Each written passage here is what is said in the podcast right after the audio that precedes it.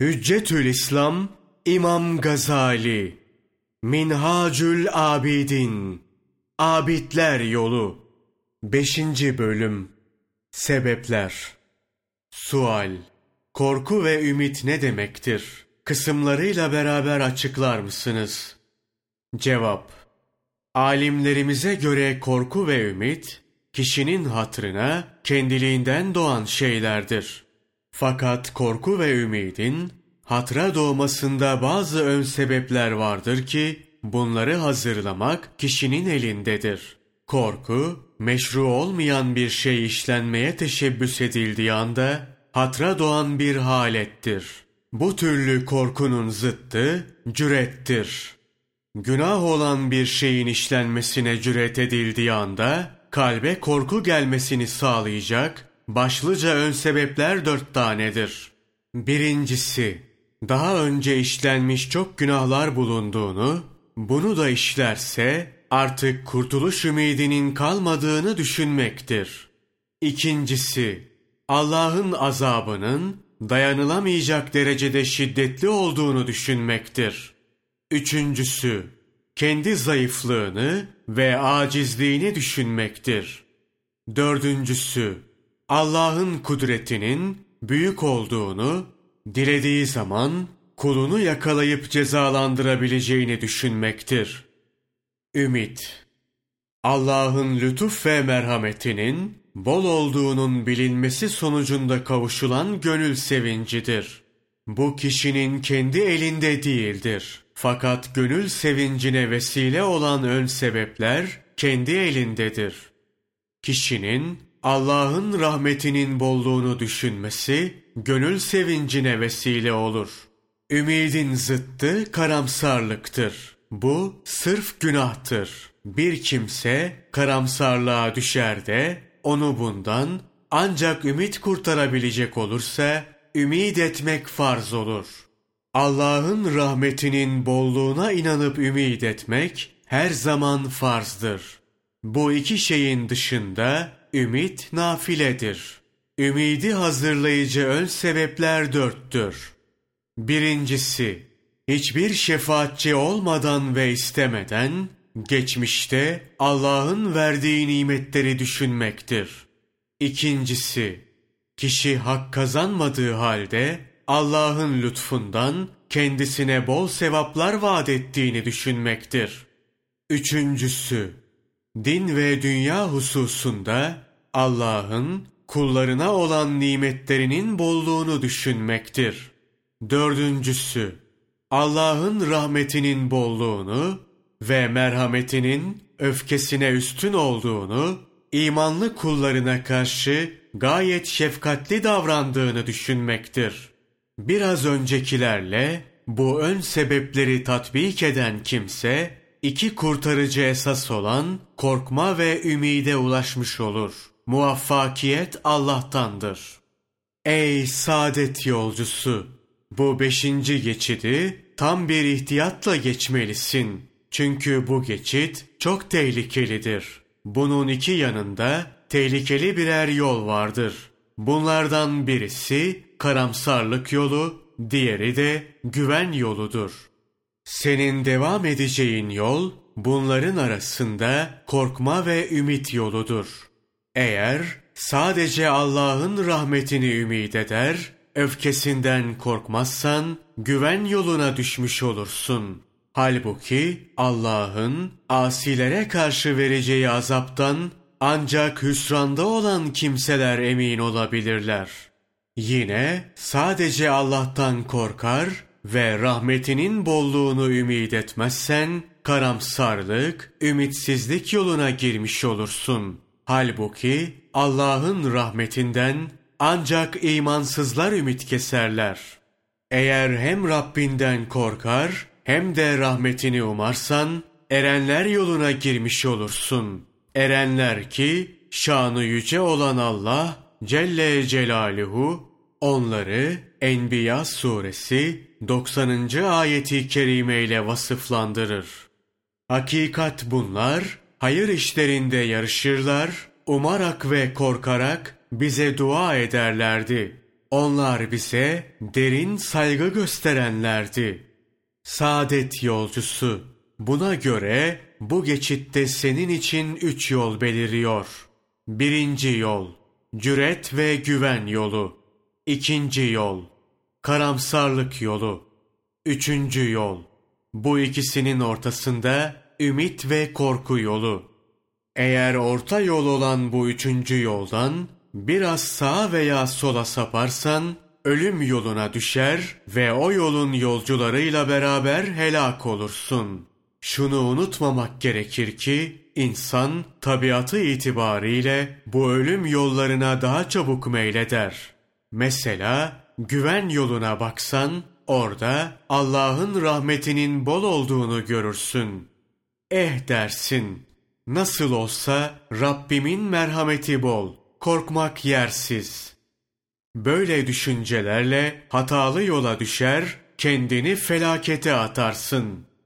Eğer Allah'ın rahmetini ummadan sadece korku tarafına baksan, görürsün ki Rabbinin kudreti yücedir. Emirlerinin yerine getirilmesinde çok titizdir, heybetlidir. Peygamberlere ve ermişlere asla müsamaha etmemiştir. İşte bunları görünce de Allah'ın rahmetinden ümit keser, karamsarlık yoluna düşersin. O halde yapacağın şudur. Ne sadece Allah'ın rahmetinin bolluğuna güvenerek işi oluruna bırakmak ne de büsbütün korkuya kapılarak karamsarlığa düşüp Allah'ın rahmetinden ümit kesmek. Bilakis hem Allah'ın rahmetinin bolluğuna güvenmek hem de kudret ve kuvvetinden korkmak. İşte kurtuluşa götüren yol budur. Bu yol korkuyla karışık sevgi, ümit ve güven yoludur. Korku olmadan sırf ümit kolay ve geniş bir yoldur. Fakat sonu hüsrandır. Yine ümid olmadan sırf korkuya dayanan yolda geniş ve kolaydır. Fakat sonu dalalettir, sapıklıktır. Çünkü Allah'ın rahmetinden ümit kesmek, başka bir yönden onun kudretini küçümsemektir. Korku ve ümidin birleşmesinden meydana gelen orta yol, her ne kadar güçse de selamet yoludur, kurtuluş yoludur. İnsanı mutluluğa götürür. Nimetlere, cennetlere götürür. Nihayet Allah'a kavuşturur. Hiç işitmedin mi? Şanı yüce olan Allah Celle Celaluhu bu yolun yolcuları hakkında Secde suresi 16 ve 17. ayeti kerimelerde ne buyuruyor? Korku ve ümitle Rablerine dua ederler. Artık onlar için işlemekte olduklarına bir mükafat olarak gözlerin aydın olacağı nimetlerden neler saklanmış bulunduğunu kimseler bilmez. Bu ayeti iyi düşün ve uyan ey saadet yolcusu. Daima kötülüğe meyyal olan nefsi tepeleyip kurtuluş yoluna girebilmek için üç esasın tatbik edilmesi gerekir. 1. Korkutucu ve teşvik edici ayetleri düşünmek. 2. Allah'ın ya azapla veya afla muamele ettiğini düşünmek. 3. Kıyamet gününde kulların ya ceza göreceklerini veya sevap alacaklarını düşünmek. Birinci esas. Ey insan! Allah'ın kitabı Kur'an'daki ayetleri düşün.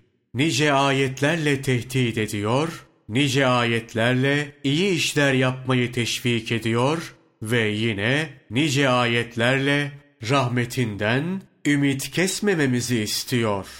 İşte ümit var olmamızı gerektiren ayetlerden birkaçı. Zümer suresi 53. ayeti kerime. Ya Muhammed! De ki, ey nefslerine karşı hadden aşırı hareket edenler! Allah'ın rahmetinden ümidinizi kesmeyiniz.